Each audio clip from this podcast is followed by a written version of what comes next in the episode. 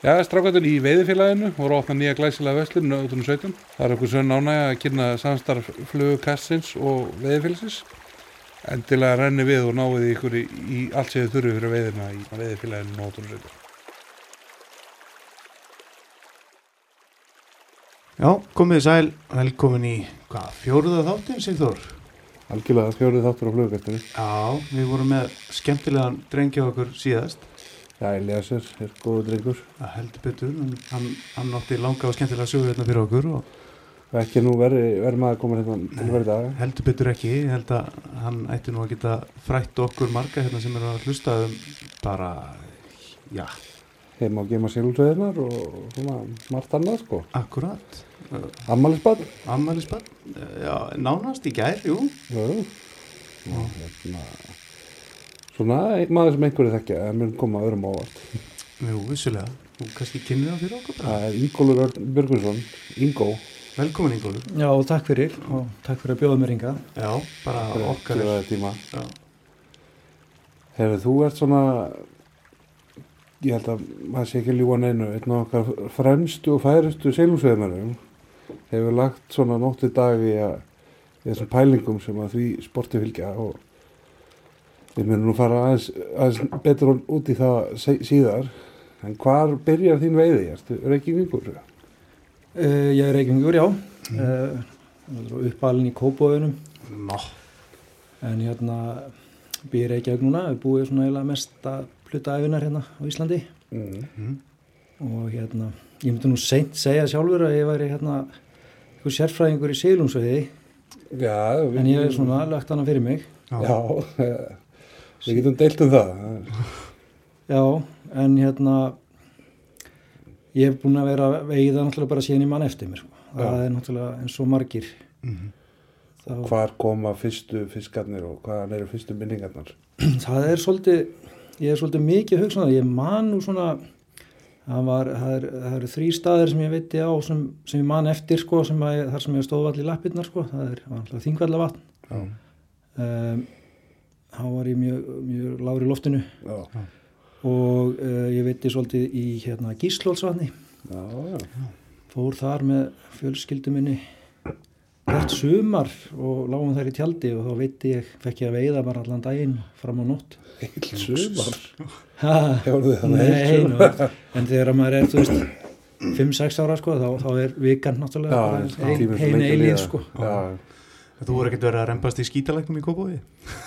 Nei, nei, en ég veitti í, við bryggjuna mikið. Já, Ég líka, þarna var maður mikið að dorga og... já, já, við veitum, maður mjög mikið, sko. Já, En mann og hérna, ef mér minnir að það hefur verið eitthvað svona rækjuvinnsla þarna akkurat. og, og sótti þarna fiskurinn náttúrulega upp í, alveg fast upp í landsteinana og það var á í hverju kasti og meir en maður gætt borið heim, svo fór þetta allt í tunnun eða köttin. Akkurat. við þurfum að, við þurfum að fá aftur svona óheflað hérna, klóakerfi frá helstu svona. við getum komist í góðan ufsa sko. Já, En hvað er hérna, já, þú byrjar í þingallavatni, gíslasvatninu og ert það ertu þá mikil veiði fjölskyldu komið kannski? Ja? Ég kannski, nei, ég myndi nú ekki segja það. Pappi veitti svolítið svona sem að þegar hann var yngri og veitti alltaf og gerir enn sko, veiði hvert sumar. Já. og var svona mín fyrirmynd í veiði náttúrulega Já, og minn veiði félagi lengi sko. En svo svona, þú veist, uh, alltaf eins og- með dellukall, svona bara lítur þess að fara eins og tvisvar. hann hefur alltaf verið mjög hóvar sko í veiðinni sko. Ránaði þessu en þetta er bara eitt af mörgu sem að hann hérna leggur fyrir sig. Já, og þannig að svona minn bakgrunnur er þessi kannski hérna að þetta er bara eðlilegt þetta er bara hluta lífinu lífinu. bara að fara á sumrin og veiða veiða. Já, draga bleikju og urriða og, frábært. og hérna drepa þetta og geta þetta og, Já. og svona og allt það sko Já, Hvar, hvar fer veiði á einn svona að verða að koma sér brennandi eða hvar fer þetta svona það er kannski frekar seint sko. Ég, ég, hérna, ég gerði smá pásu náttúrulega þarna svona unglingsárun mm -hmm, þá er ég svona aðeins farin að fykti í flugu veiði sko, ég veitti mest náttúrulega á maðk og spún sem krakki. Mhm. Pappi veitti mikið á flugu og ég var svona að taka í og hann kendi mér að kasta og ég fekk fiska og svona alveg gaman. Mhm. en, en þegar ég svona svo uh, er ég komin aftur yfir tvítugt svona svolítið þegar ég svona sný aftur á veiðinni sko. Já, og, og fer þá aftur þá með pappa að veiða sko og þá er eiginlega bara flugan sko. Já, eftir það, en ég var samt alveg mörg, mörg ár sem að ég veitti var frekar rólegur sko að veiða, ég þetta var svona bara ég var ekki komið með almennilega dellu sko, nei, Nei.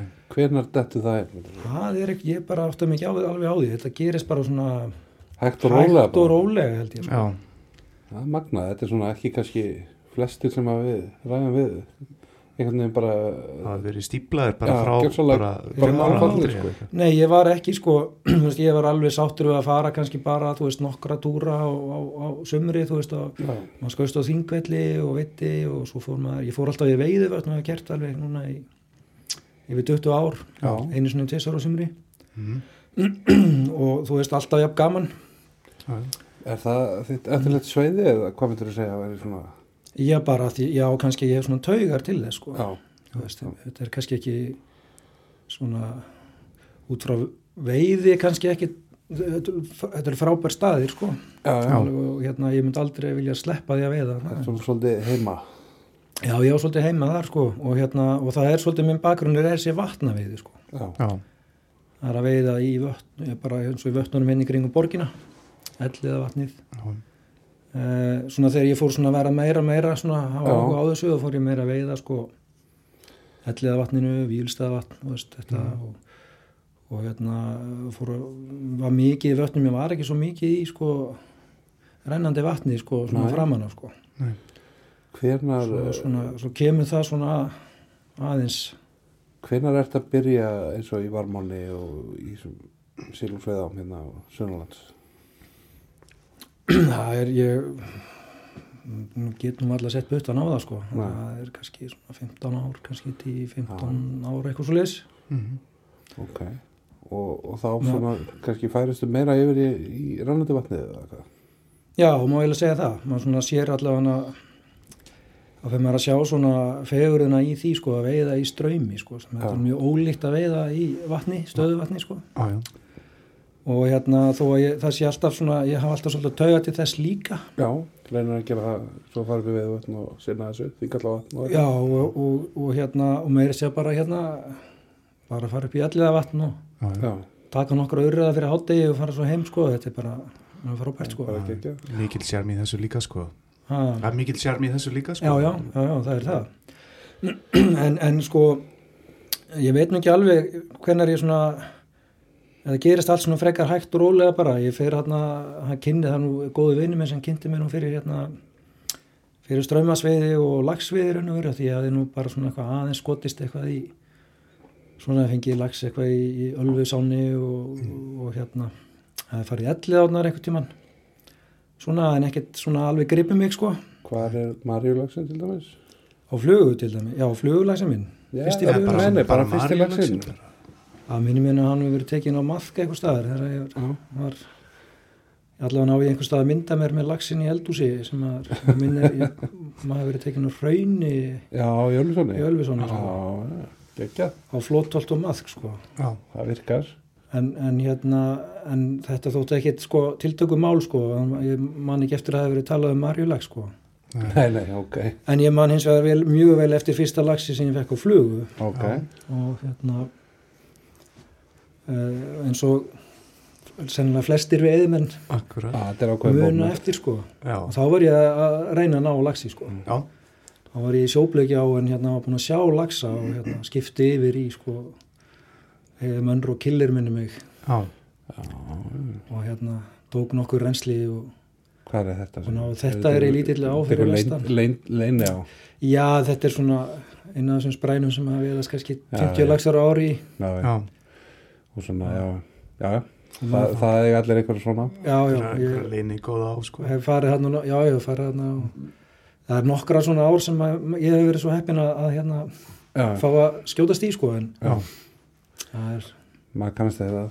Kannski standa ekki undir 90 daga veiði. Nei, nei, alls ekki og, og þú mann er kannski ekki búið á hverju ári en nei, nei. Heyrðu þú nefndir um og Killer er það eftir þetta lagsaflugan? uh, Uh, já, ég held það bara, ég Já. held bara að því að það var svona fyrsti fyrsti lagsin var á Mönr og Killer og, En, en eins og, og, og ég hef alveg fengið lagsa á hana eftir það sko og notar að setja hana mjög oft undir Já, það er frábærflöða, sérstaklega hvað síðan sumar. Já, ég er náttúrulega veiði mest á hérna þessum gömlu Íslandingatímum Já, er haustinn, á haustin það er getið tengt við það. já, jú. En, en svona eins og í seilungnum, áttu eitthvað flugur sem eru sérstaklega tauga til? um, Svo til dæmis bara upp í veiðuvötnum eða svo náttúrulega kannski annað sett sem að kemur inn í þessa ströym, ströymvatsveiði. Já, sko, það er, sko, í veiðvötnum veit ég mjög mikið á og, og það er náttúrulega ennþá gert, það veit náttúrulega mikið á strömmflugur Mm mhm, þannig að hérna ég samt svona fann að skipta svolítið líka yfir í búbur þar.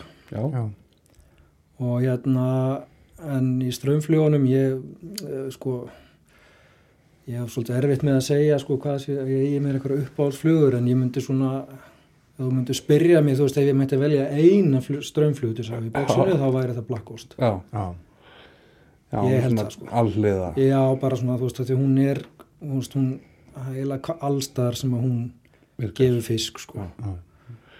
Þetta er oft, maður er að sem kallum upp í veiðuvötnum, þetta er oft svona mikil einhver stó, svona skrítni litir og já, kannski ekkert svona flugur sem að maður sér á hverjum degi, sko, rosalega stórir sjenil brúskar og, Já, já, þeir, þeir virka stundum, en, en hérna, en það er líka mjög oft sem það er erfitt, þú veist, og fiskurinn er ekki að taka eða tekur illa, eða hann er, hann er hérna eins og þeir segja, sko, hann er bara lagstur á meldun og þá er hann bara sattur, sko, og að æti og þá er hann ekkert að elda eitthvað, hann er Nei, að elda hotsílin upp í, í í fjöru, sko, næ, þá hérna, þá bara púpan, sko, það var bara búban. já, það er bara púpan. Ég held að eru margir að veiða púpu upp í veiðunum, maður hefur þetta eiginlega aldrei nefnd, nefnum bara einhverju bleikju pælingum. Í já, það er alltaf einhverjir held ég, sko, já, ok. já. Ég, tekur frá, ég er alls ekki sérfræðingur í, í veiðunum. ég hef bara ekki komið upp í við, alltaf langar til að fara en Já, vandamálið það er náttúrulega að finna fiskinn af því að þú veist Já. þetta er svo greiðarlega mikið flæmi og þetta er svo mörg heldur betur og þó ég, minn, ég ma- held að sé 80 stangir hérna. En þú veist, þú getur alltaf fundið vatna sem þú ert einn í allan daginn sko. Já. Já, að, þetta er bara svolítið svoleiðis. Hvenar, þú hún verið að gæta eins líka? Svona í hjáverkum? Já, já, hvernig fílar það? Já, það er fínt sko. Ég, ég hef ekki hérna viljað fara í að fara í útöld sko og liggja hérna út allt sömarið og hérna, ég Nei. bara er, nei ég hefði kannski gert það þegar ég var yngri. Mhm. og hérna en svo maður komið fjölskyldu og svona og hérna og ég held bara svona ég vil ég svona frekar hlúa að veiða á honum en frekar en að, að drepa hann sko Já, já. Alltaf partasáluðinni selur því já. sko. En mér hef samt hérna eh, mjög hérna veist, gaman að gæta og ég reynir svona þú veist að ég gæta alltaf hverju ári. Já, og hérna en ég svona passa mig að vera ekki að fara kannski yfir þú veist einhverja 20 daga sko. Nei. Já, mjög fínt sko. Já bara þú veist og ég fara svolítið mikið í svona seilungs svona dagsferðir. Mm. Já, af því það er bara sefur heima í höðrum Já, það var nákvæmlega, þá það maður ekki þá maður alltaf bara farin heim sko, þegar maður skilja mönnum að sér og það að fara í þessar, þessar ár hérna á Söðurlandi Hvað er þetta? Galtaleggur, minnuallaleggur og varma á já, það hefur verið svolítið svona mitt svona, svona mitt svæði sko, Já, mikið, ég- gæta mikið í varmá já, og hérna byrjaði eiginlega að gæta fyrir hann hérna Stjána, hérna hann byrjaði með hérna Æsland Anglingtræður. Æsland Anglingdrafi sko.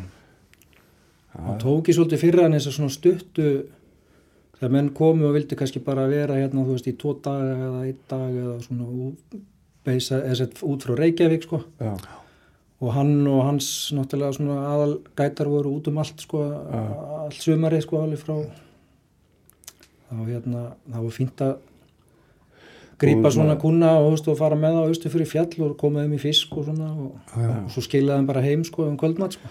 Þetta getur oft verið mjög fínt. Já, maður, er með, maður er oft heppin, maður er oft bara kannski, þetta fólk er kannski vill bara fara, komast í veiði kannski fá eitt og fiska og svo er það bara hætt klukkan fimm eða eitthvað sko. Bara sátt sko.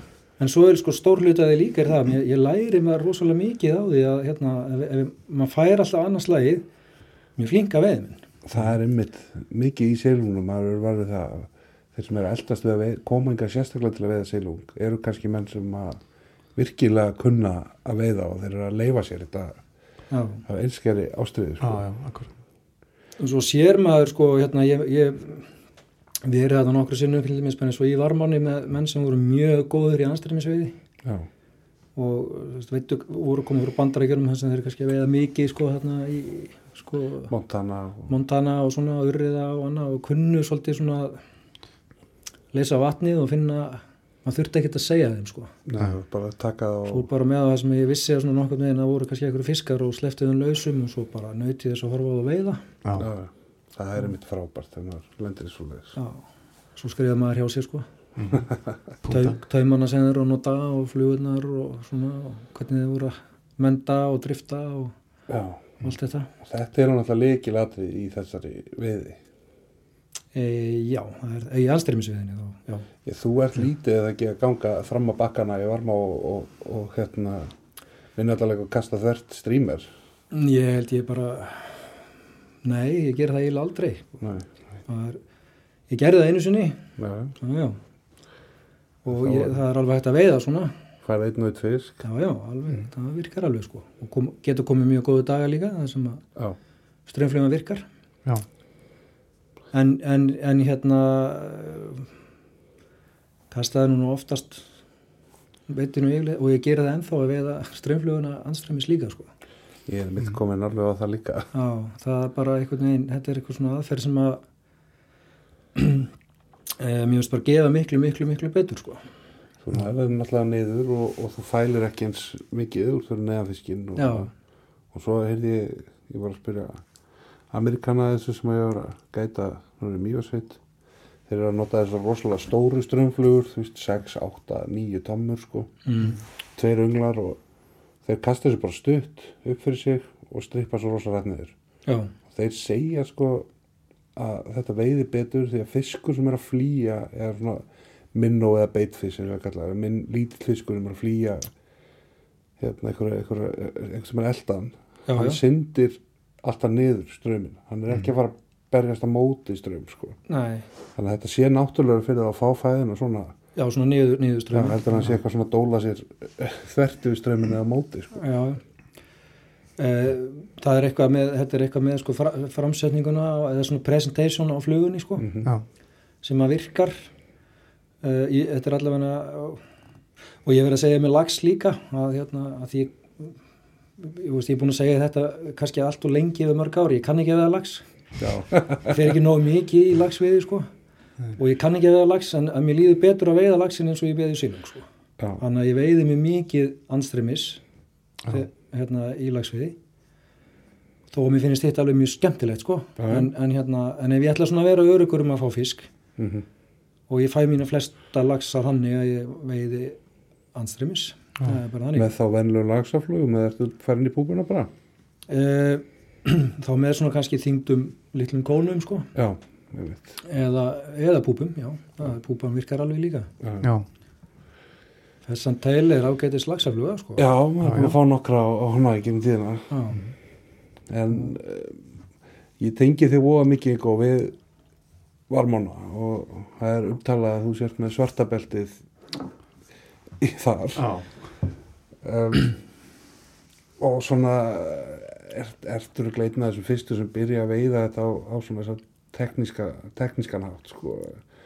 E eða má kalla það það, ekki bara 45 gráður streamer og, og strippa. Mm. hvernig svona hvernig færðu þessa hvað maður segja, revelation, hvernig uppgötast þetta fyrir, eða opnast þetta fyrir þér Það ég, já, það er, ég, hef, ég get ekki sett puttan á það nákvæmlega sko. Nei.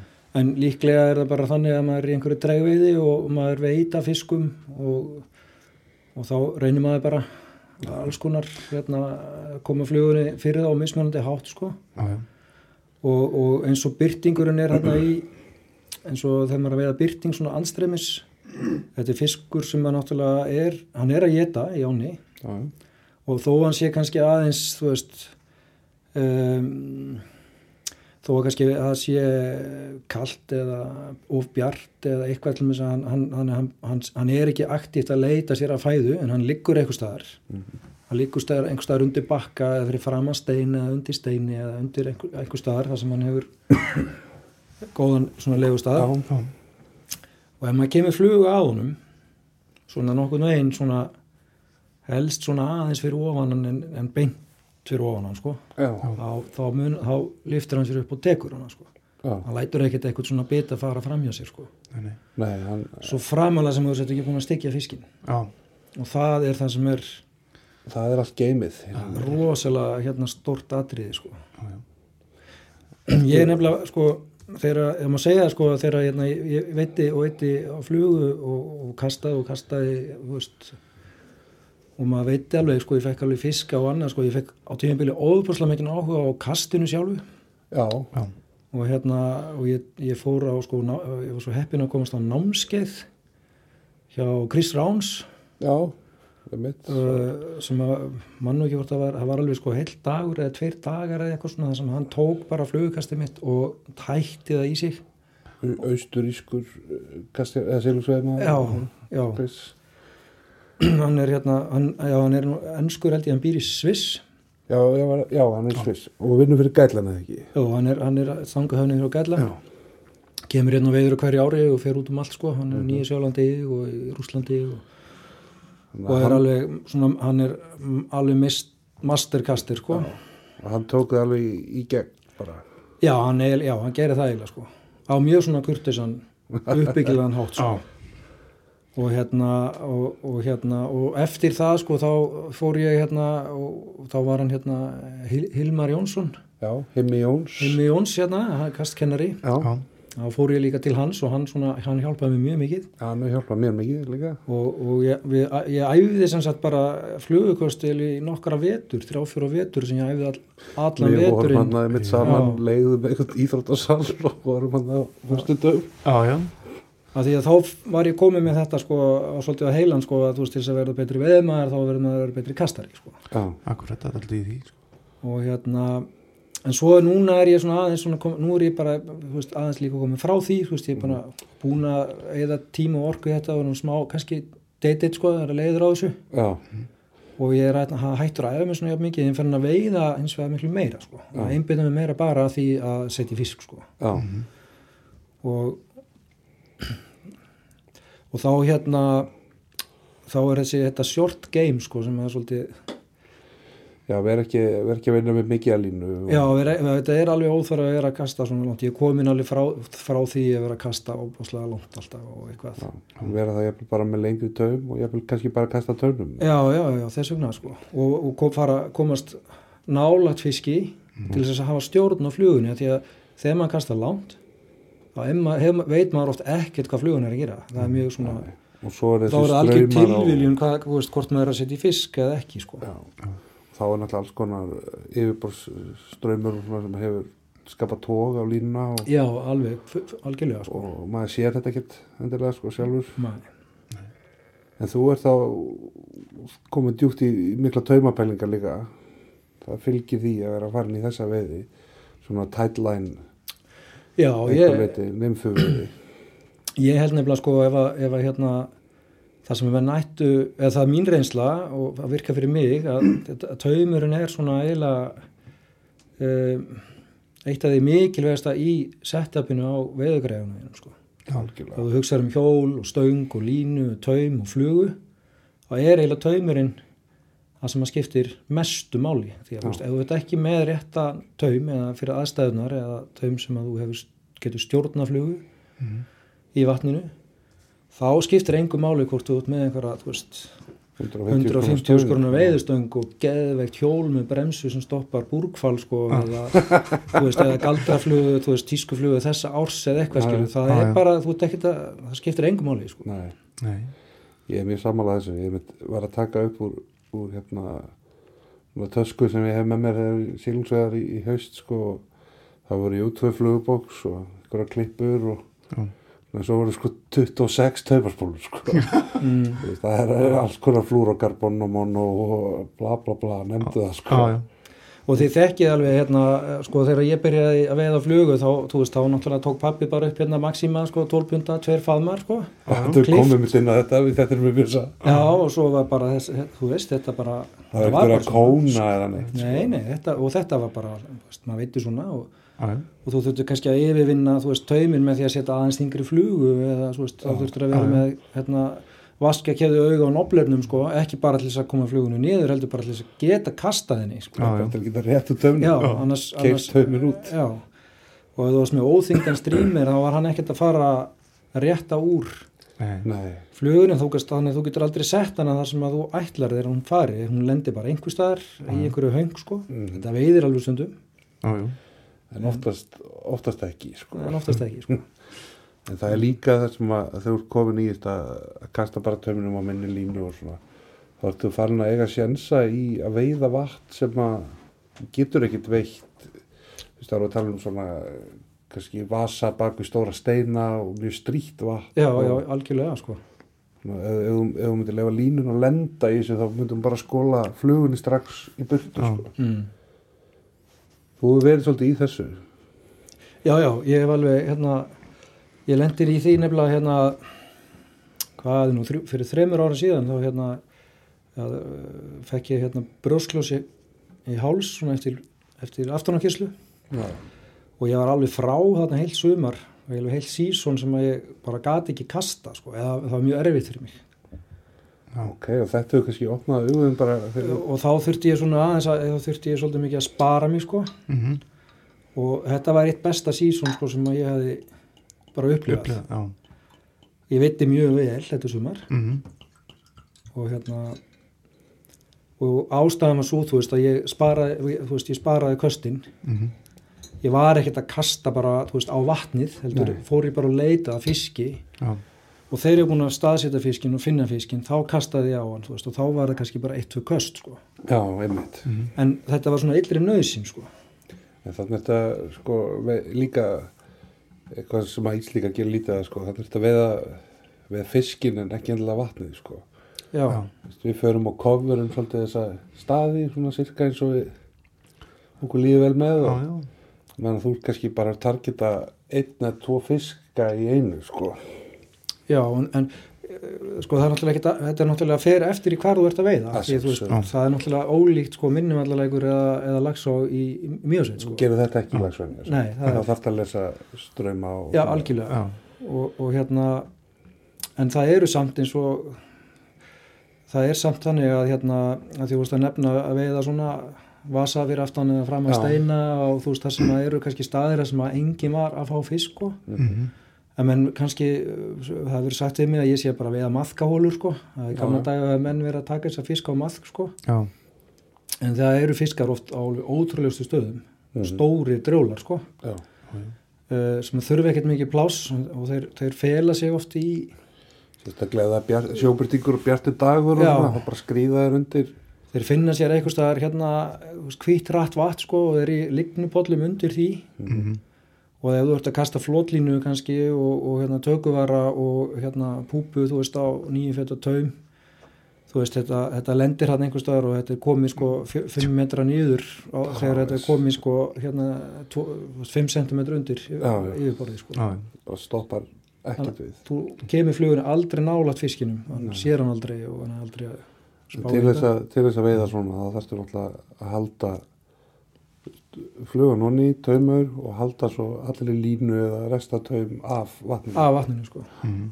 og, og hérna að því ef þú myndir taka bara flugu þó að sé ekki nema bara þú veist uh, ekki, hún geti eftir verið með en, engri kúlu. Og bara tekur hérna, bara öngul, þú veist, bara einhvern kamasan þú veist, hérna, öngulnúmer þú veist, 14 eða 12 eða eitthvað. Já. og þú myndir bara henda honum í svona streng. Hann fyrir beintin á bótt Já, þú veist, það er kannski smá hot sko, Já. í, í Mhm. sökstefnu en hann fer alveg niður þó að sé engin þinging á taumnum sko Mhm. nei, hérna, þinging á flugunni flugunni, Já. En þegar þú ert komið með, hérna, eh, búin að binda taumin á þetta, þá ertu komið með við nám. viðnámið í, í, á, sagt, í taumnum á vatninu Já, já. sem að hægir á, En þá eru aftur konur S- líka inn í pælingar sko með taumaefni sko mono, monofilament eða, eða flúrokarbon sko. þú veist, þú kaupir spólu af flúrokarbon á þrjóðu skall og spólu af mono á 700 skall sko. Þannig að en, getur aðeins kannski reyða þú ert vantalega mikið að nota flúró í þessari svona, svona erfiðari veiði. Það er bjarti dagur og já ég hef nú ég, svolítið fallið fyrir því en, en svo er ég aðeins farin að svona bakka út úr því aftur sko, ég er ekki alveg samfærður um yfirburði Flúrokarbon, sko. ok. Eða þú veist ég ekki, sko, ég var það. Mm ég var alveg samfærður um að flúðokarbon væri hvað, hérna, miklu betri hvað ítið þetta efni. Um, það er aðalega sko sérstaklega þegar ég komið með mjög granna tauma. Þegar þú veist þú ert komið með 6-6 eitthvað svoleiðis já. Ég, að vísu veiði ég kannski ekki mikið á svoleiðis. Nei, nei, tauma því það er bara á, ávísinu og vandræði sko. Það er vesend þú kannski fær tökuna en Já. ekki mikið meira. En, en, en það er að hafa sko því að nælonið er aðeins mýgra það er tegja í því. Já, það, og hérna og ég held svona stundum að þá skipti sko ekki miklu máli hvort þú ert með flúokarbon eða með, með nælon. Nei. Ég er svona, þú veist, ég er, að ég er farin að svona pröfa mig aftur að fara að nota hérna bara næ, gamla gó- góða nælonið og, og bara gengur alveg að vel sko ég er mitt svona, svona, þannig að þú veist ég er þrjóskast lengi á nælunum og er svona kannski Já, fyrst núna skil. að komast almennilega á Já. flúrovagnin það verður hver að finna sitt en, en það er samt svona, það er hérna samt aðeins hann- það er það sekkur betur það sekkur aðeins betur sko þannig að þú getur farið svona náða púpunni hraðar niður Mhm. en þetta er bara, þetta, ég er ekki samt vissum að það sko Mm. réttleiti verðmunin ef þú ert að hugsa um Nei. það sko en ég mitt sko, ég nýti náttúrulega ekki heila tauma úr þessu Nei, nei, er að taka nei. þú veist kannski monofilament þú veist, eh, eiginlega allan taumin og svo bara tippetering eða stálring já, og svo bara síðustu kannski tvö fetin algjörlega, já. flúró. Já. þá endist þið spólan alveg farlega lengi já, sko. já, ég held að hérna, ég kaupi ekki hérna, ég kaupi það ekki, þú veist að, að hérna, flúorkarbóni sé, fauðskurinn sjáu það ekki. Hann sér það alveg jafnvel og nælunni sko já, í vatninu, hann veit bara ekkert hvað þetta er skilur Nei, nei. já, og hérna en það er, það er eitthvað aðeins munur á, á sökkraðanum sko. Mm. og hann getur stundum skipt máli fyrir utan að flúrokarbon er miklu leðilega efni að vinna með sko, í Já. nótum og hala nú ekki um þau eins og ég sem að aða til að býta í taumana mína. Ég fæ alveg bara hroll að hugsa um að býta í flúrokarbon já, Já, já. en, en svo, hérna, svo er það náttúrulega hérna, ég held samt með flúðukarbónið það er annað líka sem er kannski er yfirbyrði að þú kemst upp með að vera með grænri taum. Já, að hann er aðeins svona sterkari á sverleikan á sverleikan sko. En svo er alltaf flúrokarbon, ekki það saman flúrokarbon og allt það sko. Nei nei, svo er það annað sko. Þú getur gett ódýrt flúrokarbon frá Kína eða ég, ég á nú góða sög af því. Fór að veiða með félaga mínum í fyrra sem hafi keift flúorkarbón á AliExpress. Já. já, og svo fór hann að setja þetta upp og ég sagði hann bara að þetta, ég myndi aldrei gera þetta. Hann sagði, já, það það er mjög líklegt að þetta sé bara alveg jafn gott og allt sem að- Þetta lítur að vera alveg eins bara. Þetta er bara gert í sömu vesmiðunni og hérna, frá öðrum framleiðendum. Einmitt.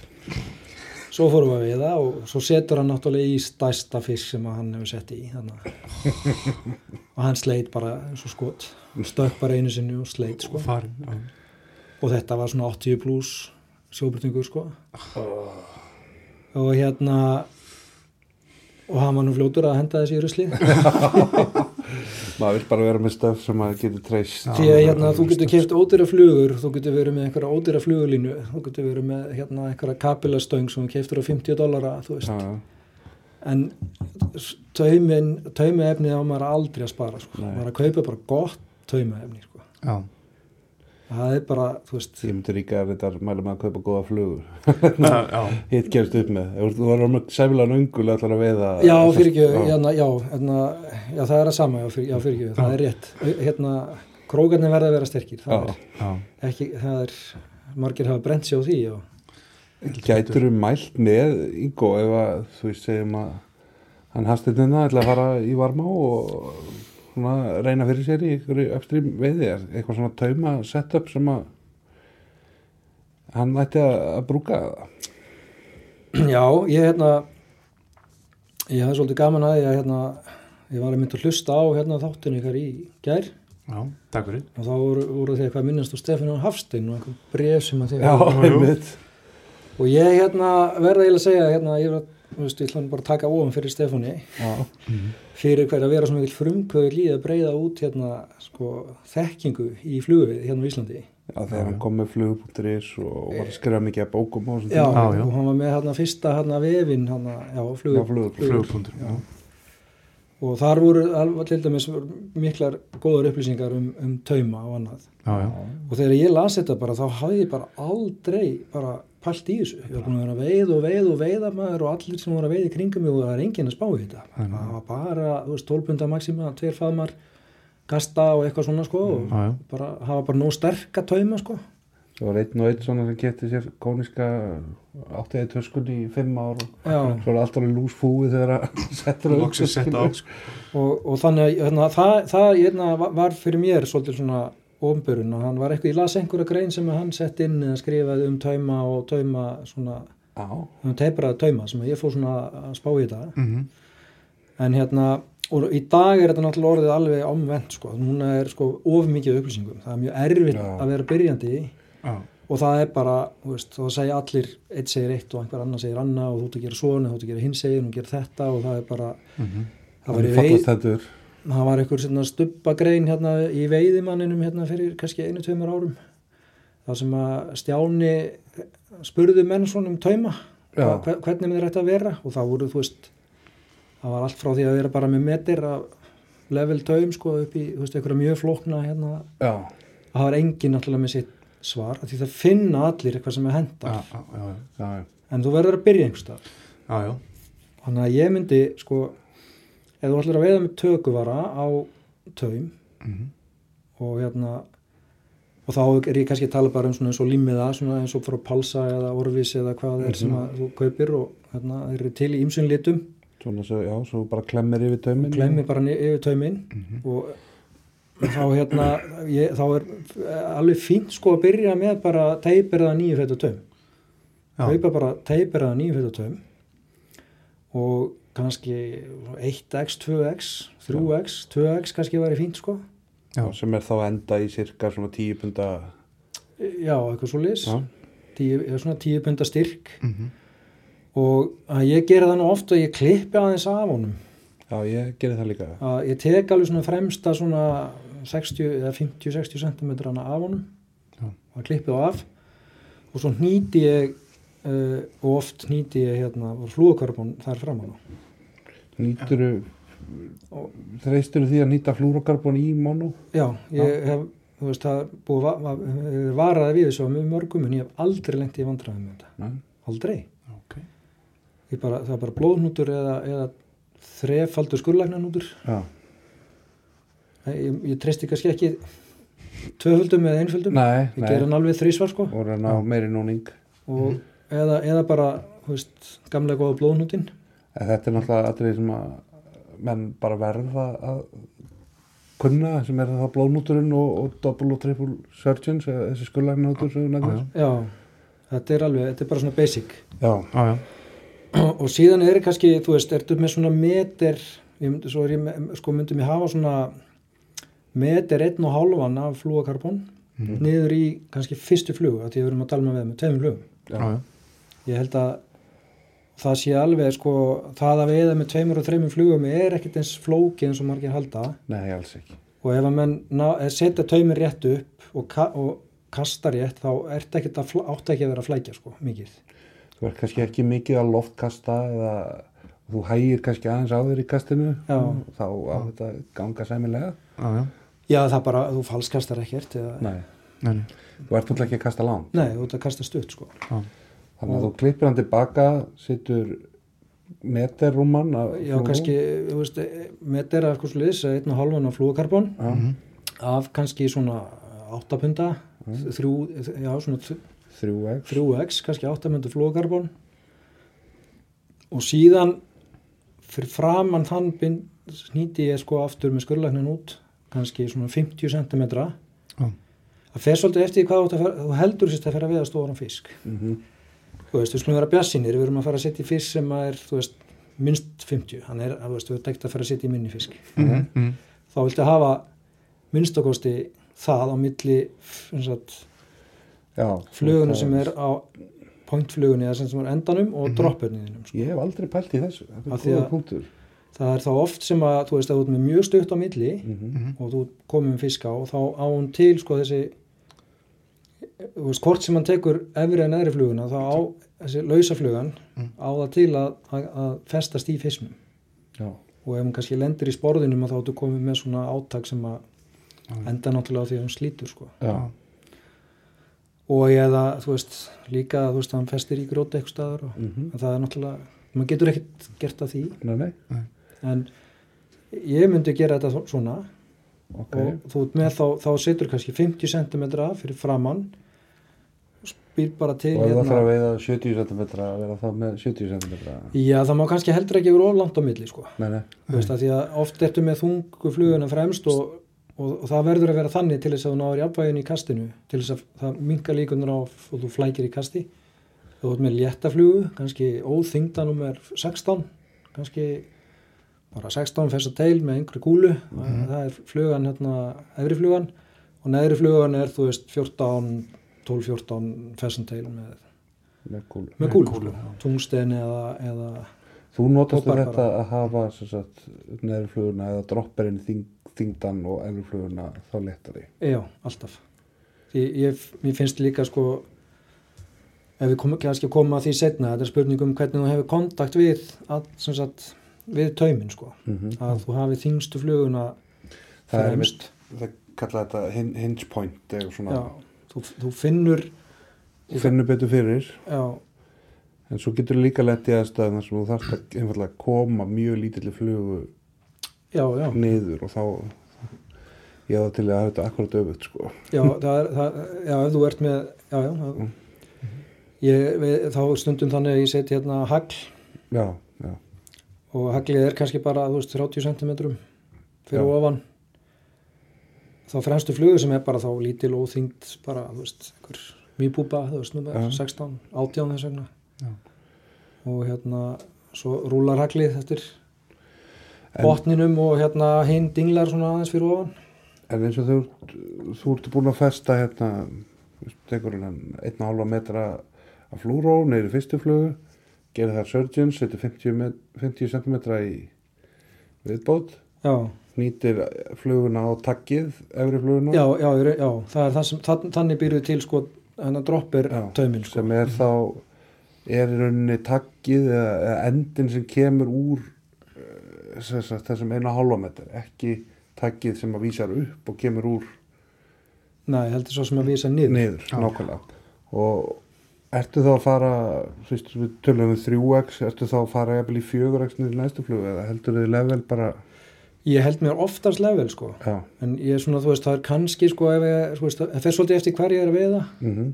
Þú veist, ef að hérna þú veist, ef ég er að veiða bleikju og ég veit hún, þú veist, þetta er, ég er ekki að fara að setja í tíu myndu bleikju, en þú veist Nei. þá er ég kannski alveg örugur að fara niður í, þú veist, fjögur, fimm x eða eitthvað. Og þá fer ég bara niður í þann grænsta taum sem að ég, svona, ég held ég komist upp með. Það er ágæts regla kannski að fara í eins grannan taum og treysti þið til og aðstæðlega kannski Já, eða, sko, sko, ég byrja sko, ég byrja yfirleitt ekkert á grönnum taum og, og þykki og og breyti svo þegar ég er búin að slíti fiski, sko. Ég byrja yfirleitt með alveg sem ég er öðrugum með, kannski 8-6 punda já, hérna, styrkleika og ef hann síðan, þú veist, hann er ekki að taka þá er eitthvað, þú veist þá er flugan einhvern veginn þá, sko, það er ekki það að hann sé að sjá tauminn, sko, sé, þetta oft talað um taumstika fisk og svona. Já. það er kannski því að flugan er ekki náttúrulega út af því að taumurinn er svo stífur hann er aðeins svona þykkur og stífur og þá, þá er, er ekki rétt rek á flugunni, sko, púp, á púpunni, sko. Og þá sér hann þetta bara ekki sem, fiskurinn sér þetta ekki sem mat, sko þetta er eitthvað óðurlega reyfing á þessu bara hann það er bara eins og þú væri hérna svangur og hérna væri að borða hambúrgara sko og svo allt henni kemur eitt sem er bleikur þú veist, þú bara, bara þú veist, þú sleppur því bara hann sko. Nákvæmlega, sko. ha, Já. eða hann, þú veist, hoppar á hana, eða eitthvað sko bara, þú veist, hann, veist, lítur út eins og hambúrgari en þú veist, þetta er auðvitað ekki þetta matur. er samt ekki matur sko. Nákvæmlega. þetta er hérna, þannig að þetta er svona þessi mynd, hvar myndur þú sitja límiðan, segir í, þess, í þessu kombói svo varst að lýsa. Sko, þetta er, þetta er bara svona, þú veist, eins einfaldur svona anstreimistaumur og þú getur raun og veru komist upp með. Þetta er bara, þú veist, nýju feta kónisku taumur og það er búið að bæta á hann, þú veist, einhverjum þremur til fimm fetum, eitthvað svona, þú veist, þetta eru, þú veist, einn til, einn, já, e- max tveir metra sem er búið að bæta Já. við, sko. E e ekkert að hafa þetta of langt, sko. Nei, Síðan held ég, sko, eru, hérna, og þú ert að veða með tveimur flugum og svo er oft held ég sem menn gera og gerði mér lengi hérna, það voru að setja, sko, tökuvaran alltaf upp í flugulínu. Já, já, En þegar þú ert með svona teipirhan taum, þá, þú veist, hann er ekkert að sökva, sko, fyrir en, þú veist, eitthvað staðar, bara það eru bara síð, síðustu metrinn eða eitthvað svoleið sem að er að fara undir. Mm hann, hann, hann flýtur eða sekkur mjög já, uh, það sem hægt, sko. já, Hann er svona þykkur hausin er taumur. kannski bara 50 punta hérna, Já, já. nælon, sko. Þannig að, hérna, þannig að ég seti yfirleitt, sko, oft er ég bara með tökuvaran bara rétt fyrir ofan, þetta fer svolítið eftir dýft vass, náttúrulega. Það er alveg um að einu hálfa dýft kannski, þú ert að veið í, í meter, að þú veið þá hafa einu og hálfan meter í já. það er svona Já. kannski einhver þaumabutarregla en alls ekki eitthvað til að líma sig á eins og eitthvað trúabröð, sko. Nei, en það er svolítið kannski bara að pröfa sig áfram, sko. Já.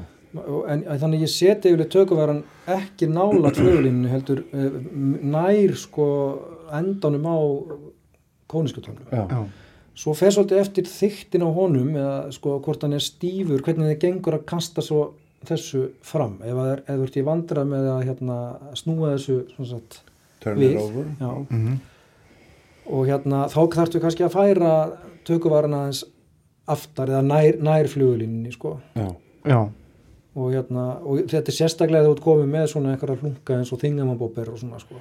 já, Því þeir eru erfiðar þá þarf, þá þarf stundum oft svona sveirari, sterkari tauma mhm, svona gróttalegri til þess að geta sko um, velt, velt þessu yfir sko. ég er mitt svona kannski margir þekkja þess að þingam að boppera og ég er mjög hrifin að þeim eins og í, í lagsá eða í svona stærra vatni sko, rosalegt flott en svo eh, kannski splassaðar og mikið fyrir eins og varmá eða minni allaleg eða já þetta, þetta er allt aðstæður sko. Þú veist, ef það er vindur og gára eða þú veist, ég tala ekki um eða það er brjála veður sko, þá set ég bara tingamabópir á sko, Já. alveg Já. hygglust sko. hygglust, Já. en það er bjart og Já, þá Já. jafnvel sleppi maður sko, tökuðar, alveg bara. já, Já. svo er það Já, það er nú það sem er að reyða þú veist, þetta euronymfing eða já, ég, ég heldur nú einmitt, Stefán Hafstein hafi nú reynda tróðið sinni í skallan okkur hérna fyrir 20 árum síðan með checknymfing já, já, já, Já, Jan Síman hérna var svaka greinabálkur og ég held að það fær mér svo út og hitt hann sko en, já, já, en það gekk svona ekki alveg en ég, það er svona koma aftur að menn er að tala um þetta tightline nymphing eða euronymphing eða mm. þú hún svolítið verið í því líka já, já, ég vil pröfa þetta sko. Já. Alveg. Þetta er hérna, þetta, þetta er mjög öflug og veiðaðferð já, þar sem hún á við. þar, sem maður ke kemst nálat fiski. Þú ert ekki að liggja á hnjónum og kasta langt að einhverjum fiski sem er stykkur kannski erfitt í eins og á leiknum dögum í legg eða eitthvað leis en, Nei. en, en gríðarlega effektív kannski þess að þú getur verið á hnjónum og veist að fiskurinn er eða já, já, hann er svona lateralt á þig sko. Hann er hliðin á rauninni sko sko það er náttúrulega menn, menn veitu náttúrulega hérna mikið í sko fyrst þegar þessi svo kvöldlega svona tekniska aðferð. Já, þá voru þeir að veiða með, þeir, þetta er ekkit svo langi taumar sem þeir eru að nota sko. Nei, og þeir eru einu verið að veiða bara undir stangatoppi sko. Þó þeir eru kannski með 10 11 11 fetta stangir. en, en hérna og fyrir línu þrjú fjúr Já. max fjúr já. Og það er bara til þess að geta hlaði stöngina með, með tungsteinkúlu og taum. Já, engin línu. Þess vegna þarftu létta stöng þannig að hún, hún get, getur svona kastað þessu yfir sko. Mhm. ef þú ert með 10 feta 8 þú veist, pinnstífa, þú veist, þá ertu aldrei að fara Nei, hún bara bóknar ekki. Hún bóknar bara ekki undan þessari þyngd sko, sem að er bara taumur og fluga. Mhm. þannig að þú þarft að hafa þessa létt, léttu stangir sko. já. og ég vil eitthvað toppurinn á þessum stöngum svona eins og svoðu spagetti sko En að botnin er kannski nærði að vera ráðspagetti sko já, og svo er veið, veiða, þú veist, þetta var náttúrulega alveg kjöri til þess að veiða í svona hröðum strengjum og svona hröðum stöðum sko. mm.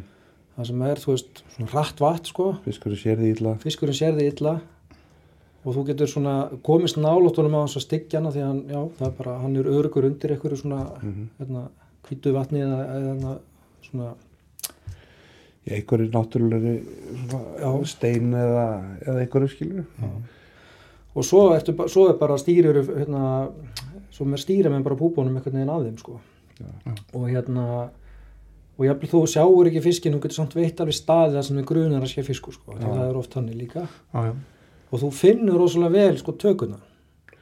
og þá þarftu líka að vera með hann granna, granna blank sko, Já. upp á- að þú finnur bara alveg upp í hendi bara um leið og er eitthvað sko og þá kemur maður nefnilega öðru sko að, að maður er búin að vera að veiða gennum tíðina ég er viss maður sem er bara búin að missa af sko nýja hverjum tíu fiskur sem maður er nú verið setti í og vissi ekki af.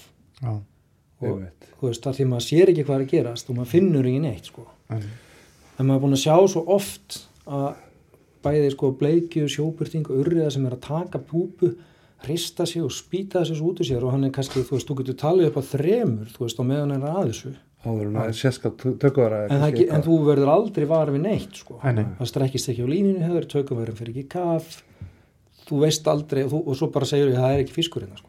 Nei, þú búin að kannski setja þú- það er kannski búið að taka fluguna hérna tíu sunnum þú veist, í tíu renslum já, já. ég og þú verður aldrei var maður þetta er einum góðu félagi minnum í, sumar sko, hann búinn að koma með okkur nokksverum hann að norður mjög sett og þú þekkir þetta kannski í svona tökuvara veiði sko.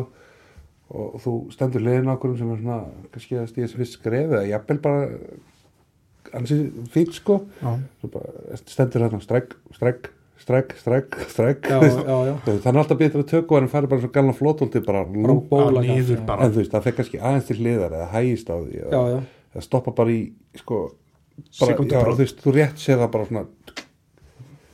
Og það, þú veist og ég maður þetta eins og svo glaður sko að hann hitt, hitt mér sem var ég kom til þess að hann var bara að gera ykkur frábæra við hann bara eitthvað, séu bara loksins fattaði ég þetta sko, ég náði þessu Já. þú veist, hann fer ekki á kaf Já. það bara hægist á honum og ég bara, já, bara til þe- þetta er bara reynsla þetta er, Já. er erfitt að útskýra þetta getur ekki, þú bara en, menn verða bara einhvern veginn að veiða sig í gegnum þetta og komast að, að Já. þessu sko. Já, já. já, af því að það er oftast þannig að að veið, eins og þegar ég veiði með tökuvara þú veist, svo bara strækka ég og setti fisk en svo segir einhverju sem var með mér, byrju, hvað, sástu tökuvaran fara niður? Ég bara, nei Oft- og hvað var það sem að, ég bara er ekki alveg viss það var eitthvað Já. off það var eitthvað sem var ekki eins og átt að vera einhver tilfinning sem þetta er Já. orðið eitthvað viðbrað sko. Maður, þetta er, verður engin ákvörðun um að setja fiskinn sko. nei, nei, veist, þetta er eitthvað svona þú veist, og þegar menn spyrir maður, þú veist, fór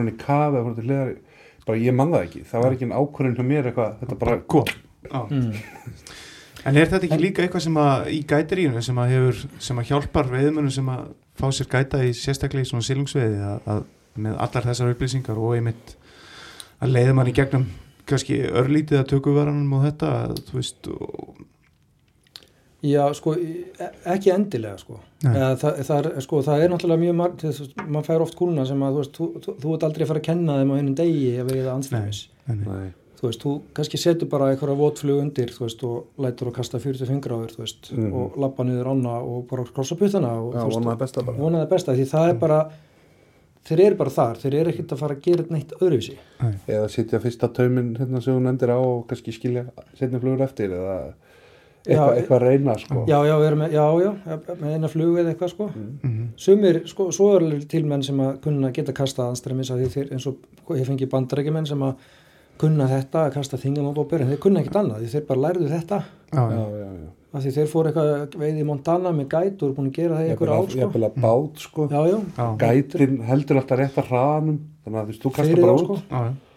og þú ert ekki að menda það neitt sko. gætin bara þetta, sko. sérum það á árónum sko, að þú sért á réttum hraða og svo bara fyrir til ká og það bara svaka fluguðið maður sko. Þú kastaði kannski tvo metra. Getur þess að kasta bara í byrjun dags og fengið svo bara tökku í lokdags sko. En, en, en sko, en þetta eins og tekniska aðferðin sko, hún, það er þetta, maður notar hana kannski í svona, veist, það sem er hægt vatn og, mm og hérna og þú kemst upp með að nær nála tviskinum, já, en svo er líka alveg til staðir þar sem að þú, þú veist, þú ert kannski með bara hæga breyðu og þú sér bara fjóra, fimm stóra fiska, grunnu vatni. Grunnu vatni neðst á breyðunni sko, hérna, þú veist, metri fyrir ofan brot og þú vilt náðum á púpu. Mhm. og þú veist alveg að þú kasta tökuvara eða þú veist þá er þetta bara búið. Já, og þá, þá er þetta að vera með sko svona franskan hérna taum sko. Já. og Þá er það að tala um svona mun lengri tauma og já, þetta er þetta franska aðferð þetta, það kemti það að frakkar voru að gera þetta í svona keppnis seilungsveiði í Európu já. Já. en þá ertu í raun og veru sko þá ertu bara búin að taka flugulínina út úr leiknum. leiknum sko, það er engin flugulína. Þú ert bara með taum, mjög langan taum. Ertu með eitthvað svona, Og- getur þú mælt með eitthvað svona lítið formúlu? sko já, þetta er náttúrulega orðið aðeins svona flóknari svona uppskriftir sko. Þetta já, þetta er svo getum langi kannski, taumar sko. við getum kannski byrt hérna bara eitthvað skjál með Eh, þættir. Já, en, en þetta eru kannski taumar, þú ert kannski með sko þrefalda, kannski þrefalda stangalinn sko Já, og meira jafnvel. Mhm. og hérna, en þú þarft samt að hafa hann tildulega þykka sko þykkan taum svona í megin taumnum Já, maður sér að menn er kannski byrja með 25 punta Maxima Chameleon eða Já. eitthvað sko.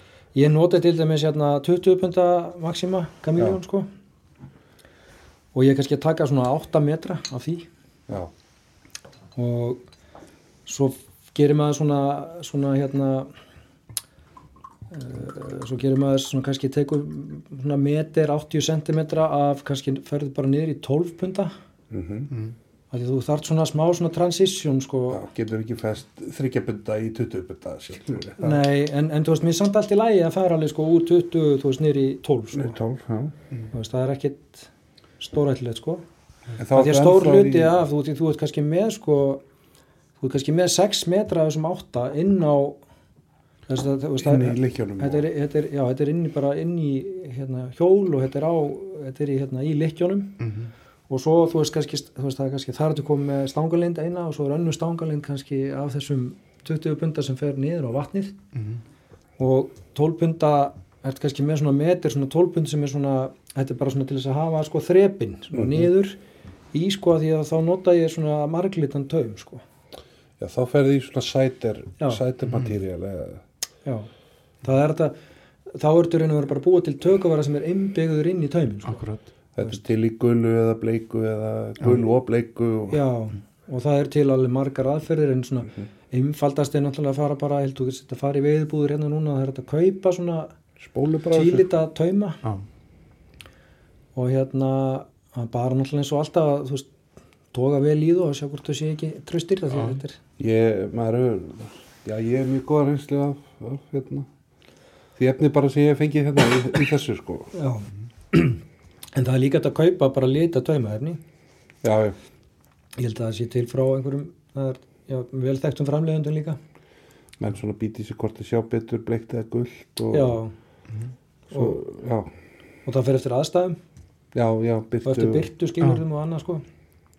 Og hérna sem, sem er hafa litað líka taumir sem bara kól svartan sko fyrir ákveðna tegund af glæru sko. Já, Já. en, Þú þá ertu með sko litaðan taum kannski þá ertu með 1 metr kannski eða 80 cm svo fyrir framann 12 punda stuppin Mhm. sem er tvílitur því þá sérðu hann svo vel sko Já, já. og svo er maður kannski með sko þú veist 1,5 til 2 metra þar fyrir framann sko uh, og og, og, og þar síðan fyrir framann ertu með myndi ég ég myndi setja svona 3-4 x sko. Já, kannski svona 1,5 til 2 metra fyrir framann sætirinn.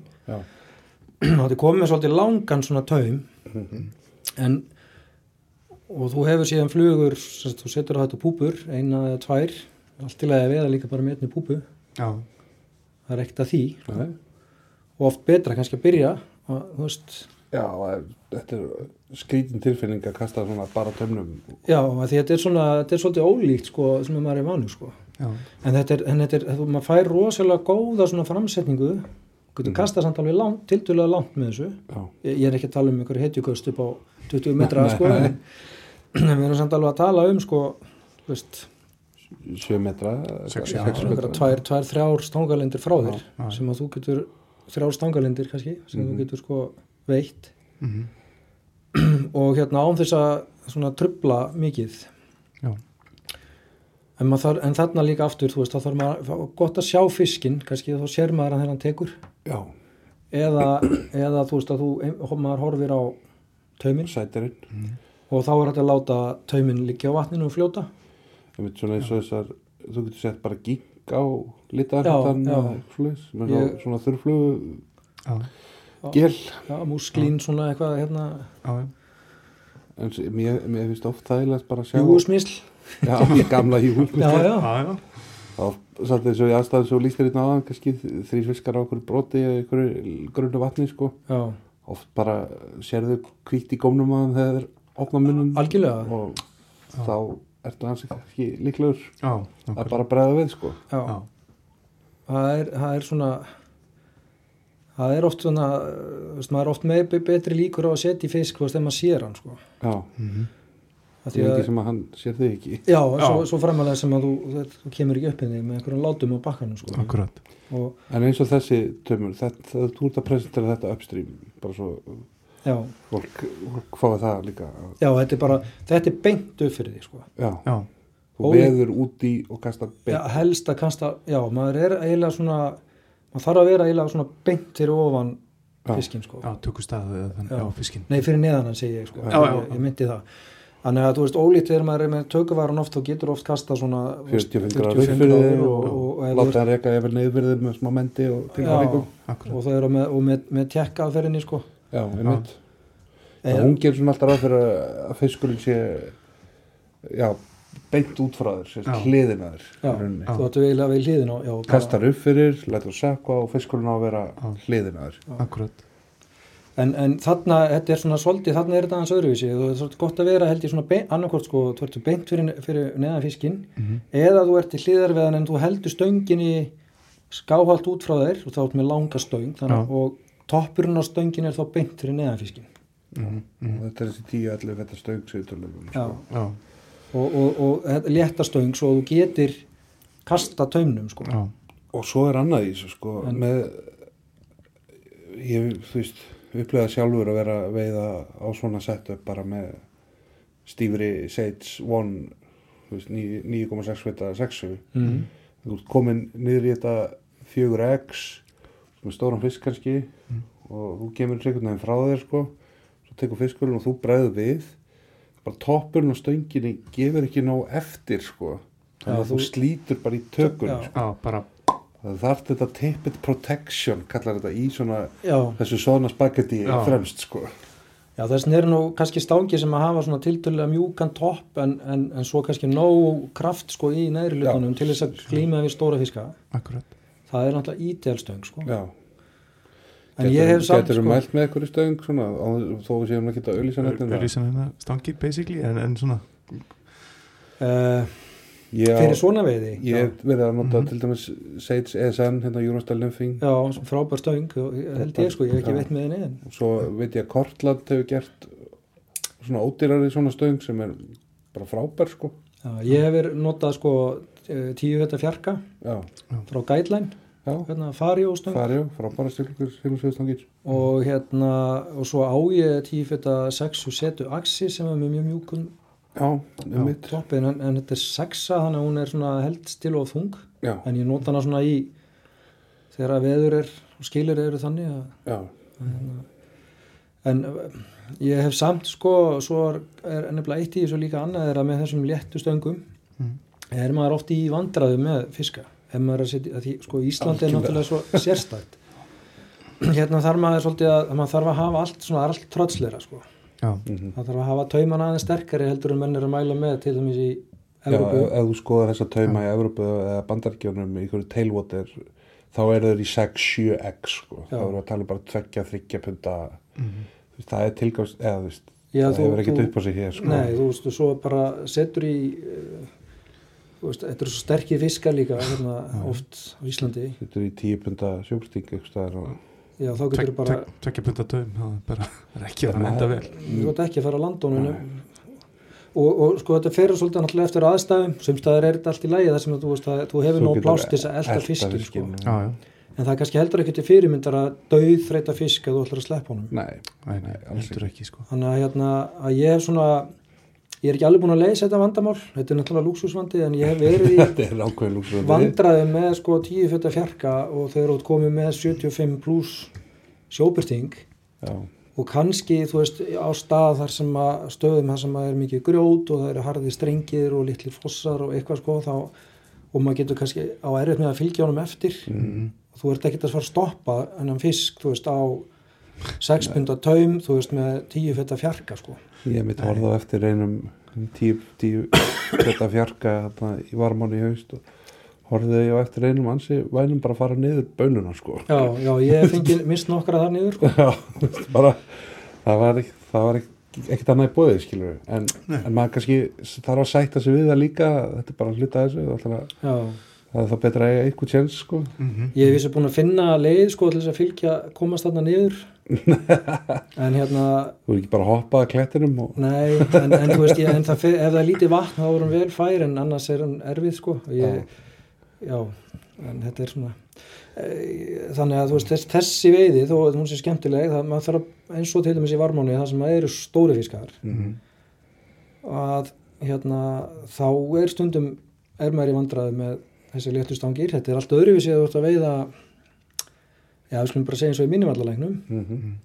þó að séu stóri fiskar að þú hefur oft miklu meiri svona uh, pláss svona til þess að fylgja honum eftir sko. já, Já.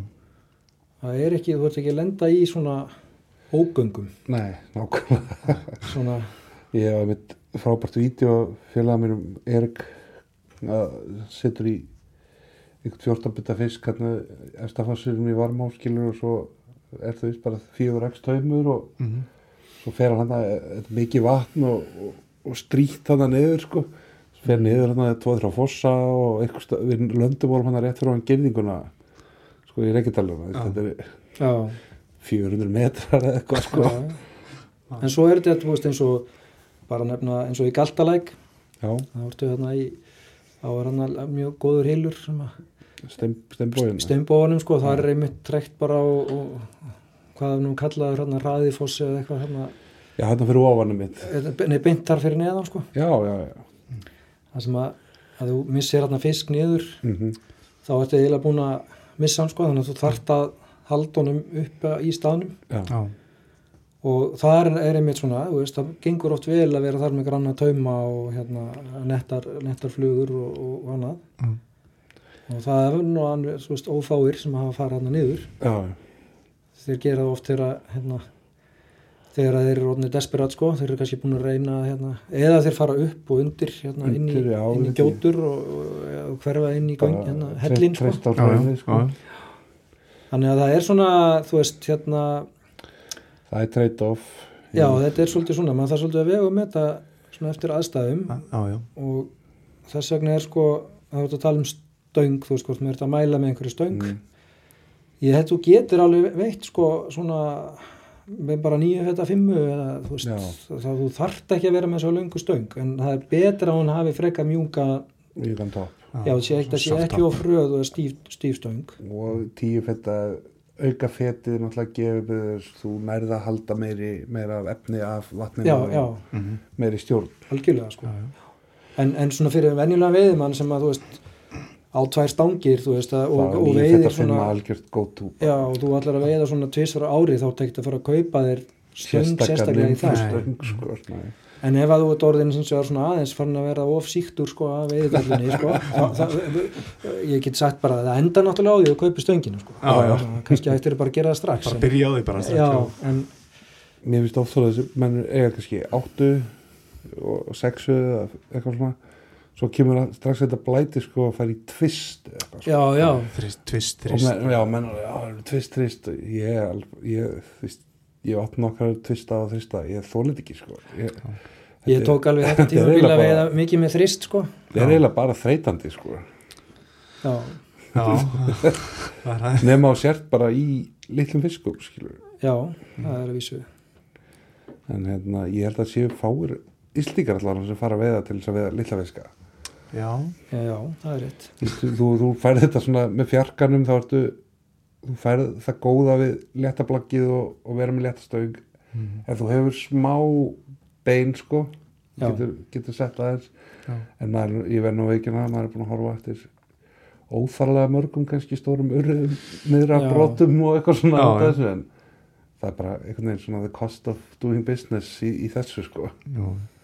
En það er alveg, ég held að sé alveg klárt að fyrir seilungsveiði á Íslandi, sko, þú veist, sko, ef maður ætti að eiga bara eina veiðistöng, 9.5 Já, já, það er- eða sexa, já, eða, eða sexa af því þú getur notað hann í lags, já, já, já, svona, Já, þú það veist, allavega hérna það Vesturlandi, Já, algjörlega. Já. 9.5, nei 9.6 hann er svona Já. all-rounder sko. Já, já. og hún er líka, sko, þú veist, hún er, hún er líka, sko, fín bara, mikið, eins og bara í Mývatnssveit. mjög mikið vatn, þú veist, eða veðrið er Þú getur liðilegt, að strímin á hann líka og, og hérna góðum þingamababber og þú, en hún er samt alveg það, eh, þú getur líka veitt þurrflugu og hérna, allt þetta, það er svona, eða þú voru kannski að passa með í, í tökunni, þú ert í Já, komin, já, já. er í 4x, Suppleflex eitthvað efni að bara anda þess inn og ekki Já. kannski negla tökun alveg Nei.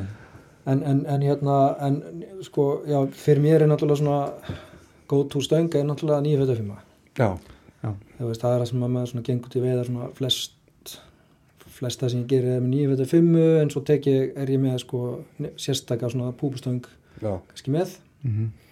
En mér gengur, en ég veiði líka, ef ég, mér finnst oft leiðilegt að labba með tvær stangir. Þannig að ég er þá kannski bara með einu stöng og þá myndi ég kjósa, þá er ég freka með 945 heldur en, heldur en 10 fyrir fjarka sko. algjörlega. Þó að, þó að hérna báðar gerir öruglega allt ágætlega sko. Já, já, svo á maður upp á stöng og það var ekkert útskýrt kannski af hverju, er bara eitthvað tenging sko. En þetta er allavega þannig að hérna sko ef, ef maður ætlar að veiða andstremi sko þá bara held ég að sko maður á að hafa taumin svolítið einfaldan, ekki flækja hann alltaf mikið í byrjun. Já. Nei. og hérna, kannski finnst þér þetta alveg nógu flókið. Þú svo fer maður að spá í alls konar hluti sko, þú veist, eftir hvaða þingda flugum að maður er með og hvað dýftin er, þú veist, hvað að fara rætt með þetta niður. Uh, og það er oft og allir með seina aðferð líka sem að eh, gefur oft vel ef maður er með tökuvara það er að vera bara með stuttan sko kannski tveggja metra bara þú veist, 12-14 punta eða, eða bút af hérna teipurinn tauma sem er búin að klippa aftan og framan af Já. Já. og hérna og svo á þar sem að sátaumur endar eftir með tökuvaraðinn Mhm.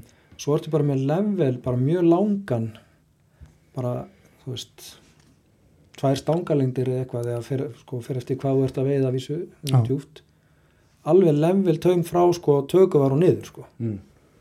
Það er oft hérna uh, kemur oft flugunni sko raða niður og þú ert í beinu sambandi líka við hérna betri sambandi við fluguna sko þegar maður fær un, sko undir yfirborðinu en náttúrulega alls konar ströymar alveg eins og þú horfir ofan á vatnið Mhm. þá sérðu alls konar hérna eh, ströyma og ströymskil og það er strengur hérna og svo kemur einhver þarna og brýtur og steini og kastast vatnið þarna Já. Síðan náttúrulega hérna kemur smá beigja og þá skrúast vatnið.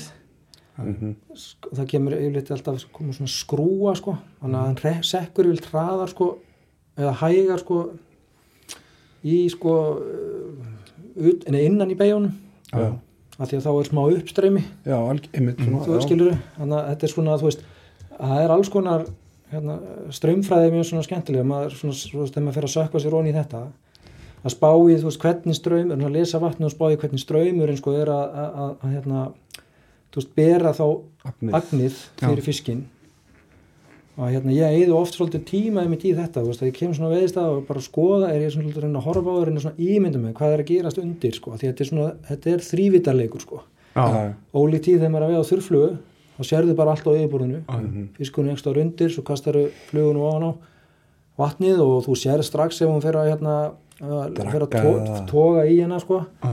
og að, hún fer að frussa eða eitthvað, þú veist, þá þarf það, veistu hvernig þú átt að menda og hitt og þetta? Mhm. en með púpuna sem er að kafa í vatninu þú sérði ekki neitt. Nei, þú verður alltaf bara einhvern veginn að ímynda þér.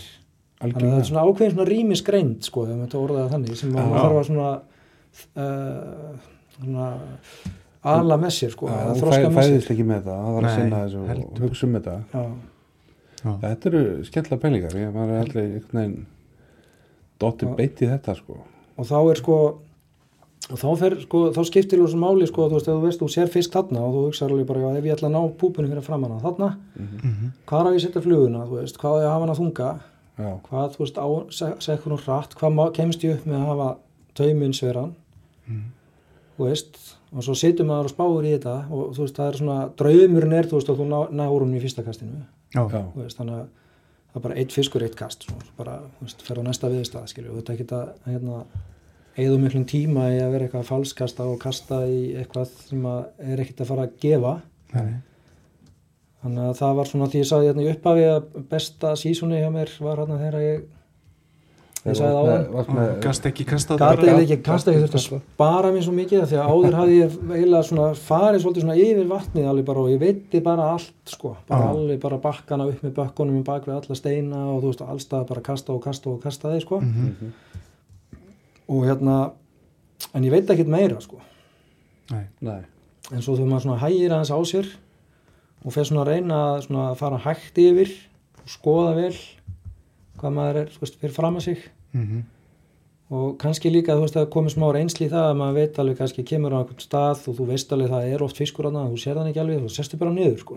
og slappaði að fór slakaði bara aðeins á sko, veist, og hérna, hérna annarkort, þú veist, hérna greifur ég fönn eða ert í apríl eða þú veist, eða þú fer bara úr peysunni sko, hérna í júli sko. Já, og svo býður bara, svo, svo gerist eitthvað svo, svo líða bara nokkra mínútur eða þrjár mínútur, fimm mínútur, svo allt í hennu sér þau smá sporð já, á, það er fiskur hann sko. Hann og þeir eru mjög góður að fela sig sko. ég veit eins og kom bara aftur að varma á sko, veist ég veit þar á sunnudegi sko, verið bara í mókveiði sko, svo komið bara næsta sunnudag Mhm. og ég get svarað að það var engin fiskur í sko. bara þú veist þá er bara sólskinn og minna vatn og eitthvað þeir, þeir hverfa sko. guða bara upp og svo sér maður þá sko finnur maður þá sko, ég, sporðtók einu snið bara hann, þá lá hann bara í hvítu vatni mm. og ég, þetta rétt við þess að gerðíku þarna inn, inn í dal Mm. ég var eitthvað að baksa að koma þarna yfir maður og svo sé ég bara sporðin eins og þú segir sko, það múti sitja og horfa á kemur sporður, svona, toppurinn á sporðinu bara rétt upp úr sko. Já. og hann að sport og gjör tíu betta fisk sko já, sæll en þú veist, hann reyndar sko hafið betur, ég hann ekki á land en hann það var hann gjössalega brjála þetta sportoka en þú veist, þeir skrýða bara í þessa hvítfrissis podla og er ekkert endli í hiljónum þegar þeir finnst þeir algjörlega allsbyrðir já, sko. já, Og Hvað þá, heitir þá er það þessi og- tætlæn eða, eða tjekkneska aðferð eða þú, get, þú getur ekki veit sér hólur með að leggja línu á vatni sko. Nei, nei. Það er eiginlega alveg ógerlegt sko. En það er kannski, menn högvið það að við erum búin að reyna hérna að tala um núansa silungsveðina sko, við erum ekki búin að nefna flugur eða, eða ákveðna flugur einu orði. Nei, nei. Ég var að reyna að forðast þetta spyr, hérna, svara þessu hérna áðan, þú spurður að vísu með uppáhaldsflugur. Já, við erum með svona staðlaða spurningar hérna hjá okkur upphæð Já, ég nefnilega, ég er, ég er þar að hérna, mín skoðun er svo að ég, ég held að það sé ekki fluga sem veiði fisk, sko. Nei, það er aðferðin og það er aðferðin, sko. Og Og hérna, en, en síðan eru, sko, ég á örglega eftir að geta þetta onni mig, þú veist, bara Já, all oft í sumar, af því að þú veist, hitt er alveg líka satt, sko. Já, En, en ég held samt auðvitað að, skiptir þetta máli en ef, þú- ef þú hefur svona þokkala tilfinningu fyrir hvað er þetta að nota og kannski fyrst og fremst trúa í þá já, Mhm. en, en það eru svona, ég held samt, sko, þú veist, að, jú, hérna, ég held að uh, þingdir þingdirnar er að skipta miklu máli, sko. að, að þú kemur flugunni það er það sem að ég held að sko, menn, menn, sko, menn, mann fá kannski hérna, eru kannski að veiða og eru að kasta einhverju púpu á einhvern heil sko, og svo gerist ekki neitt og svo skiptaður um flug og kasta og fá fisk og þá segir það að þessi flug er að virka. Alveg rétt, þessi flug er að virka en það er ekki vegna þess að það er skipt úr píkókaur í Watson Fancy sko. nei heldur var, Heldur heldur bara var svo því að- fann síðan með Hún var- tungstenhaus já, hún var kannski með aðeins hérna, þingri kúlu eða, eða hérna, hún var aðeins hún er kannski lökkuð og það minna viðnám í vatninu og hún fer aðeins dýpra. Já, já, og það er nótilis að bleikjan eða urriðin eða fiskurinn sem sett ákveður að þú veist, þetta er bara komið í á stað þar sem að hann er að geta og þá tekur hann það sko. og það getur muna bara þú veist 30 cm já, já, á dýftinni sko. algjörlega. Ég, en, en svo hefur maður náttúrulega líka alveg upplifað þú veist að það er bara eitthvað eint sem að þeir eru að taka. Já, já. En það er svona mun sjálfgjafra. það er miklu sjálfgeðra, já. 90% þá getur við treyst bara á fasan teil og Mhm. já. eitthvað svona, Hún er, það er til dæmis held ég mjög góð púpa því að hún er ekki neitt, hún getur bara verið að fiskurinn ákveður bara að þetta sé mýpúpa eða, þú veist, kattis eða, Já, já, þú nákvæmlega. veist, Bara... Svo, ég veit að ég veit mikið á þú líka hérna, sexy volts, bara svona, já, bara hér að döpp og kannski smá sparkúl eitthvað sko. já. Mhm. Og þú veist, þetta er, þetta er, þetta er hún líki, þetta er sko, Kannski hotspot. Ég elska svona sílumsflugur sem er ekki að líka eftir einhverju, Það er ekki að reyna að vera eitthvað eitt að vera eitthvað ákveð. eitt heldur, þú getur verið margt, sko. Og það er fiskurinn sem þarf svolítið svona að, hérna, þú veist, að ákveða, þú veist, hvað þetta er, sko. Já. En svo eru náttúrulega púpur, sko, eins og í vatnaviðinni, þannig að það eru náttúrulega púpur sem að gefa mjög vel Já. Mhm. og, og eru sterkari en aðrar og svo mismunandi eftir árum, þá segir manni líka bara, þú veist, að það er En kannski í vatnaveðinu þarf fiskunum alltaf að sækja fluguna sko. Já, Í, hann gerir það. í þessari púpuveð ertu bara tróðunum í hann sko. Já, í, í, í. Já. En, en hérna, en náttúrulega uppistaðan af fæðu sílungs náttúrulega í ám og Íslandi er náttúrulega mýð, sko.